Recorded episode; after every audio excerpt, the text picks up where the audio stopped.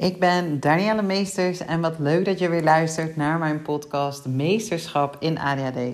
De podcast voor ambitieuze mensen met ADHD die meer willen weten over hoe het ook anders kan omgaan met je ADHD.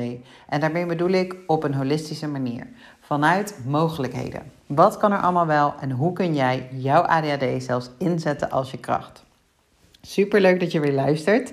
Het is alweer aflevering nummer 31. Ehm, en zoals je misschien vorige week wel hebt gehoord in mijn aflevering, heb ik mezelf dus voorgenomen om drie afleveringen uh, per week online te zetten. Wat al meteen een uitdaging was. Want ik had het idee om vandaag te gaan werken. Uh, maar het is natuurlijk een vrijdag. We hebben geen opvang. Dus uh, nou, dat liep niet helemaal zoals ik in mijn hoofd had. Maar het is wel fijn om deze stok achter de deur te hebben. Want ehm, nou, ik heb uiteindelijk um, nou ja, gewoon wel mezelf ertoe gezet, de tijd voor genomen. En uh, nou, bij deze wil ik deze aflevering dus voor je uh, online zetten. Ik wil het hebben vandaag over overprikkeld zijn. Het is namelijk iets wat ik heel veel hoor van de mensen die ik spreek, mensen die ik coach, uh, mensen die op mijn pad komen via Insta, via social, die er ook vragen over hebben. En zo ook eigenlijk vorige week ontving ik een mailtje van iemand die, um, nou, die graag mee wil doen met het programma Meesterschap in ADHD en de vraag had: helpt het ook bij overprikkeling? Ik had ook iemand die mee heeft gedaan met het programma de afgelopen drie maanden. En uh, die hier ook heel veel last van had. Dus ik dacht, laat ik er even een aflevering over opnemen. Want wat is overprikkeling eigenlijk? Is het last hebben van heel veel prikkels die je krijgt van buitenaf? Is het niet goed prikkels kunnen verwerken in je brein? Uh, gaat het over een zenuwstelsel dat overbelast is? Of misschien wel all of the above? hoogsensitief zijn, ADHD hebben, um, vaak hebben we het dan sowieso over prikkels, overprikkeld zijn.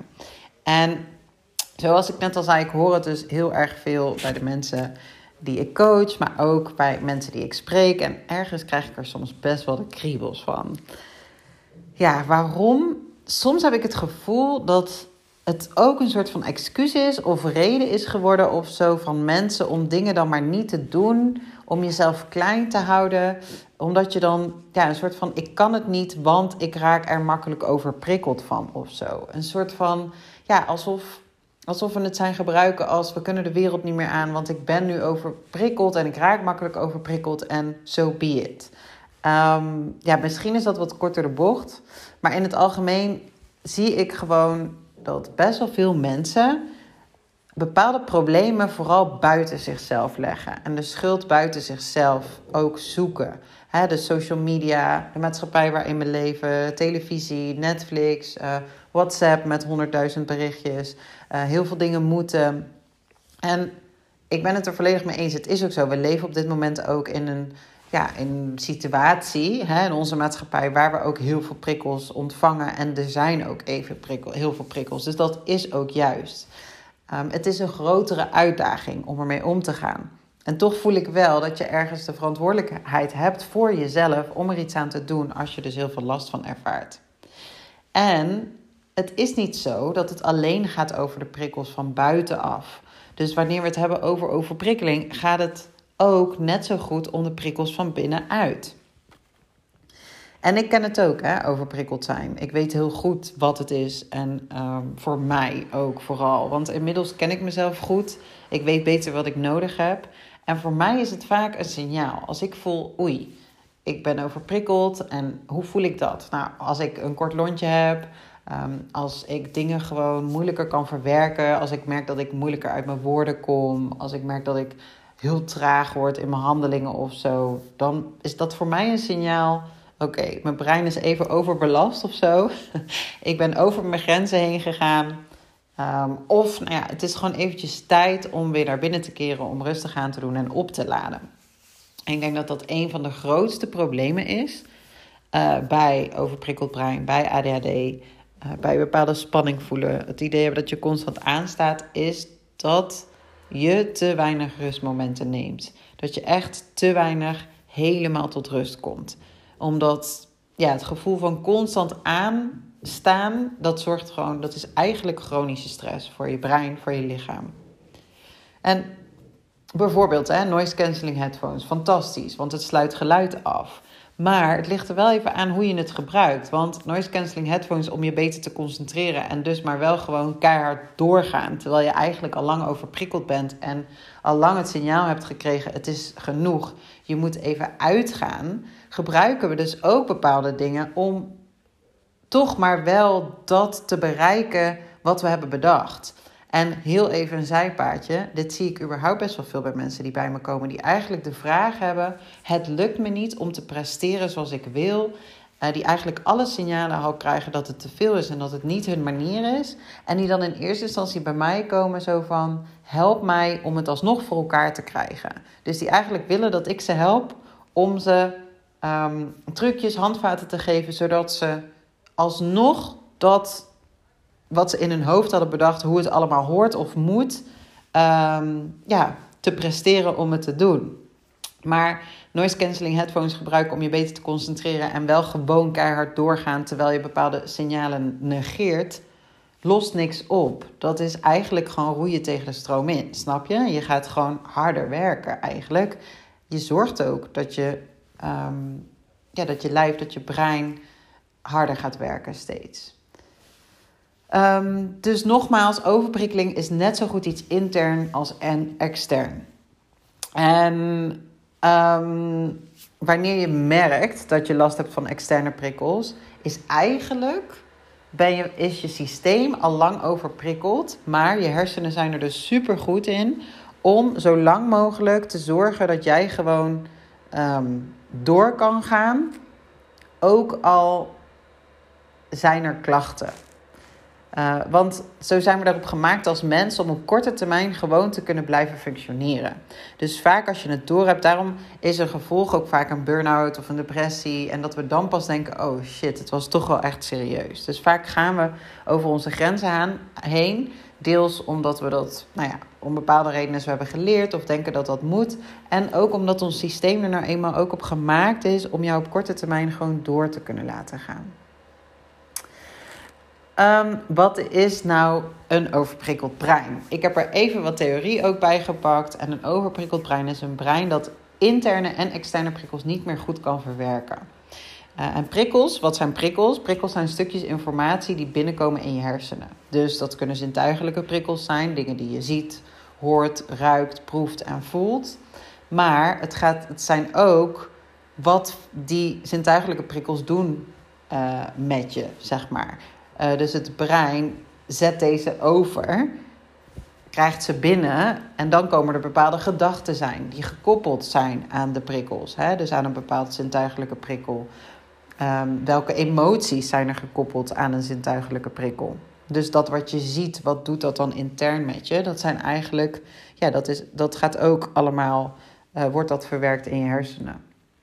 En een overprikkeld brein kan je aan de buitenkant niet zien ja, net als de meeste mentale uh, issues of vormen van disbalans. Aan de buitenkant kunnen mensen niet zien dat jij niet zo lekker in je vel zit. Ja, en dat is gewoon lang niet altijd makkelijk. Ik ervaar dat zelf heel sterk en daar herken je vast wel, in. Uh, soms zou het makkelijker zijn als je been gewoon gebroken was, want dan weet je wat er aan de hand is en dan weet je ook gewoon wat je daaraan kunt doen. Dus het herkennen van een overprikkeld brein is ook voor onszelf vaak lastiger dan je zou denken, om wat ik net al vertelde. De hersenen zijn er gewoon goed in om je klachten waar mogelijk te negeren, zodat je gewoon door kunt blijven gaan. En als je dat dus doet, levert dat helaas op de lange termijn eigenlijk alleen maar meer klachten op, zoals een burn-out, een depressie of een serieuze angststoornis of dergelijke. En goed, ik geloof dat een ADHD-brein vaak een brein is dat overprikkeld is. Oftewel een brein dat onder gemiddeld een hogere druk staat dan bij anderen. En dat kan zijn omdat je dat al intern in je DNA zo mee hebt gekregen. Hè? Een brein wat gewoon wat meer onder spanning staat. Het kan ook zijn wat je hebt opgepikt. Wat eigenlijk wat wetenschappers laten zien. En waar veel onderzoek naar is gedaan. Is dat het toch echt wel minstens 50-50 is. Dus zowel waar je mee geboren wordt als uiteindelijk de omgeving waar je van buitenaf mee te maken krijgt en waar je in opgroeit. Um, en we verwerken prikkels anders. Dat, dat weet je waarschijnlijk wel. Dus vaak hebben mensen met ADHD moeite met het verwerken van prikkels, omdat er bepaalde verbindingen in onze hersenen niet helemaal optimaal werken. En dat heeft dus alles te maken met neurotransmitters. Ik ga even nu niet helemaal diep in die materie, want dat is niet waar de aflevering over gaat. Sommigen zeggen dat dit nooit meer goed komt en daar geloof ik dus niet in. Ik geloof niet dat er een ziekte is of dat er iets mis met je is, biologisch gezien, in de zin van ehm, ja, dat er iets aan je kapot is. Hier is ook geen bewijs voor. Ik geloof dat je hier zeker wel iets mee kunt, maar dat het echt niet altijd makkelijk is om bepaalde snelwegen in je hoofd te veranderen. Um, wat zijn nou signalen van een overprikkeld brein? Ik pak heel even, ik heb het boek van Charlotte Labé erbij gepakt, Overprikkeld brein. Wat zijn nou signalen van een overprikkeld brein? Um, nou, er zijn een paar vragen of omschrijvingen. Heb je wel eens het gevoel alleen maar aan het overleven en watertrappelen te zijn? Dat het gewoon heel hard werken is? Heb je wel eens het idee niet te kunnen ontsnappen aan de drukte of redrace van ons leven? Heb je wel eens het gevoel continu aan te moeten staan? En heb je wel eens het idee niet alles te kunnen doen wat je graag zou willen doen? Heb je wel eens het gevoel dat je meer aandacht aan jezelf zou willen besteden, maar dat het simpelweg niet lukt? Heb je wel eens het idee dat je net even te veel stress hebt? En heb je wel eens een gevoel van een korter lontje te hebben dan normaal? Nou, weet je, dit zijn allemaal dingen waar ik minstens drie of vier van deze dingen ook regelmatig zie bij mensen die bij me komen. En ook juist heel specifiek mensen met deze klachten hierop help. Mijn dochtertje kwam even binnenlopen, dus ik heb hem heel even moeten onderbreken. Uh, maar die punten die ik dus net benoemde, ja, dat is eigenlijk alsof dat een soort van. De mensen die bij me komen en die vastlopen omschreven worden. En alsof je uh, bijna gewoon iemand met ADHD omschrijft. Dus ik denk dat een overprikkeld brein en ADHD, dat, dat, dat, staat, dat staat gewoon samen met elkaar. Dat is in relatie met elkaar. En bij sommige mensen zal dat zich uiten hè, in, in ADHD. Bij sommigen zal dat misschien een depressie zijn, een burn-out. Een combinatie daarvan komt ook heel vaak voor. Maar dat het in de kern gewoon echt te maken heeft met een overprikkeld brein. En wat is nou een overprikkeld brein? Uh, heb ik net natuurlijk benoemd hoe dat omschreven wordt um, volgens Charlotte Labé in haar boek. Hoe ik het zelf zie is, nou, één, je emmer loopt over. Je bent veel bezig met dat wat je moet, doet, moet doen en veel minder bezig met dat wat jij graag zou willen doen. En dat loopt eigenlijk samen met punt 2. Je bent niet bij jezelf. Je doet van alles, maar voor wie doe je het eigenlijk en waarom doe je wat je doet? Hier hoort ook het gevoel bij dat je aan het einde van de dag zoiets hebt van: Nou, ik, ben, ik heb niks gedaan. Ik heb het gevoel dat ik niks heb gedaan. Terwijl je toch echt de hele dag van hot naar her bent gerend en van alles aan het doen bent geweest. Maar dan kan je echt zo'n onvoldaan gevoel van hebben. Punt 3. Er zit ergens een energielek. En dat heeft ook met, die, met punt 1 en 2 te maken.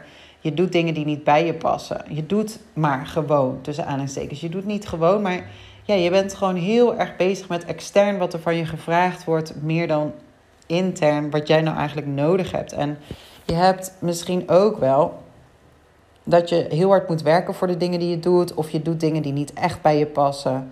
Ehm, en daar zit gewoon dan vaak echt een energielek. Dus is het een kwestie van hey, ontdekken waar zit nou die energielek. En punt 4, het gevoel van constant aanstaan. Dus echt niet echt kunnen rusten. Wanneer je dan eindelijk rust hebt en op de bank gaat zitten, kom je toch niet echt tot rust, omdat je dan wel weer andere dingen verzint die je zou moeten doen. Dus het constant aanstaan heeft ook echt te maken met ja, je systeem, je zenuwstelsel dat overbelast is.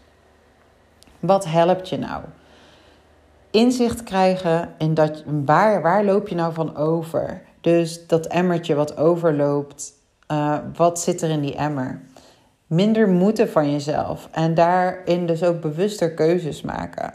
Dus ga eerst eens kijken naar, oké, wat, ja, wat moet er misschien niet? Of van wie moeten bepaalde dingen? Dus daar echt inzicht in krijgen. Uh, punt 2, inzicht krijgen in wat belangrijk is voor jou. Zodat je dus ook bewuster keuzes kunt maken in wat je wel of niet doet. Punt 3, inzicht krijgen in waar jouw energielek zit. En het andere natuurlijk, waar krijg je nou energie van? Want we leggen ook, en daar heb ik zo meteen wel een mooi voorbeeld van, vaak de aandacht op wat we niet meer willen. Maar wat wil je wel? Waar krijg je energie van? Zodat je dit echt kunt veranderen. Stop met zo hard te moeten werken voor jezelf, maar gun het jezelf ook om het jezelf echt makkelijker te maken. En juist ook voor de dingen kiezen die wel goed bij je passen. Punt 4, je zenuwstelsel tot rust krijgen, zodat je echt interne rust gaat ervaren. Um, dus slecht, als je slecht slaapt, dus ook allemaal tekenen hè, dat je gewoon eigenlijk te veel aanstaat en je zenuwstelsel niet tot rust komt, of je hele systeem eigenlijk niet tot rust komt. Um, dus die tot rust krijgen is ook uh, belangrijk. En dat kan door middel van mediteren, door middel van yoga. En punt 4, wat helpt nog meer? Voeding. Um, nogmaals, als we het hebben over prikkels, gaat het niet alleen over externe prikkels. Het gaat ook over interne prikkels. Nou is voeding ook extern, want het komt van buiten naar binnen. Maar wat voeding met je lijf doet, is ook een vorm van stress. Alcohol, koffie, suiker zijn allemaal vormen van stress voor je lijf. Dus letten op je voeding, letten op dat je genoeg beweegt, dat je gezond bent, dat je, dat je gaat wandelen, dat je naar buiten gaat. Uh, dat zijn allemaal dingen die belangrijk zijn. Dus ja, punt 5, wat helpt, is goed voor jezelf zorgen op verschillende manieren. Um, oh ja, en ik had nog eventjes een voorbeeld wat ik wilde benoemen in het uh, kijken van, hé, hey, waar lekt je energie? En dan ook is goed kijken van, hé, hey, maar waar krijg ik dan energie van? Omdat we heel erg ook de aandacht vaak leggen naar wat we niet meer willen. En ik was iemand uh, die het programma bij mij deed, die had heel veel last van overprikkeling. En die ging dus op een gegeven moment een schema maken van oké, bijhouden waar ze overprikkeld van werd. Dus wat waren allemaal dingen die zorgden voor overprikkeling? En ik weet nog dat ze zei, ja, um, ik weet niet of ik dit met je moet delen, want ik ben bang dat je het stom vindt. Um, en ik zei, ik vind het helemaal niet stom dat je dat doet. Het is natuurlijk heel goed. Je wil er iets aan doen. Je wil ermee aan de slag. Het enige is wel, door dit te doen, leg je heel erg de aandacht bij de overprikkeling. En ik geloof gewoon heel sterk, wat je aandacht geeft, groeit. Als jij dus aandacht gaat geven aan waar je allemaal overprikkeld van raakt, dan is dat waar je mee bezig bent en dat je dat niet meer wilt. Terwijl denk eens naar wat wil je in plaats van de overprikkeling. Hè? Misschien wil je rust ervaren, ontspanning ervaren, blijdschap ervaren. Wat zijn de dingen waar jij het meest tegenaan loopt en wat wil je dan? Want als je rust wil ervaren, ga dan in plaats van een heel schema maken over wat je overprikkelt, een heel schema maken met wat geeft jou rust. En ga daar dan de aandacht aan geven. En als je daar aandacht aan gaat geven, is dat veel effectiever. Want dan ga je het ook direct al merken dan wanneer je eerst helemaal de tijd gaat besteden om in kaart te brengen um, ja, wat jou overprikkelt. Snap je? En wat je dus wil ontwijken. Dus dat is nog even een voorbeeld dat ik mee wilde geven. En dan ben ik wel benieuwd, wat is de eerste stap voor jou? De eerste stap die jij gaat zetten om beter voor jezelf te zorgen. Je zou, ik heb misschien iets leuks voor je. Op mijn website uh, heb ik een gratis e-book met 7 tips.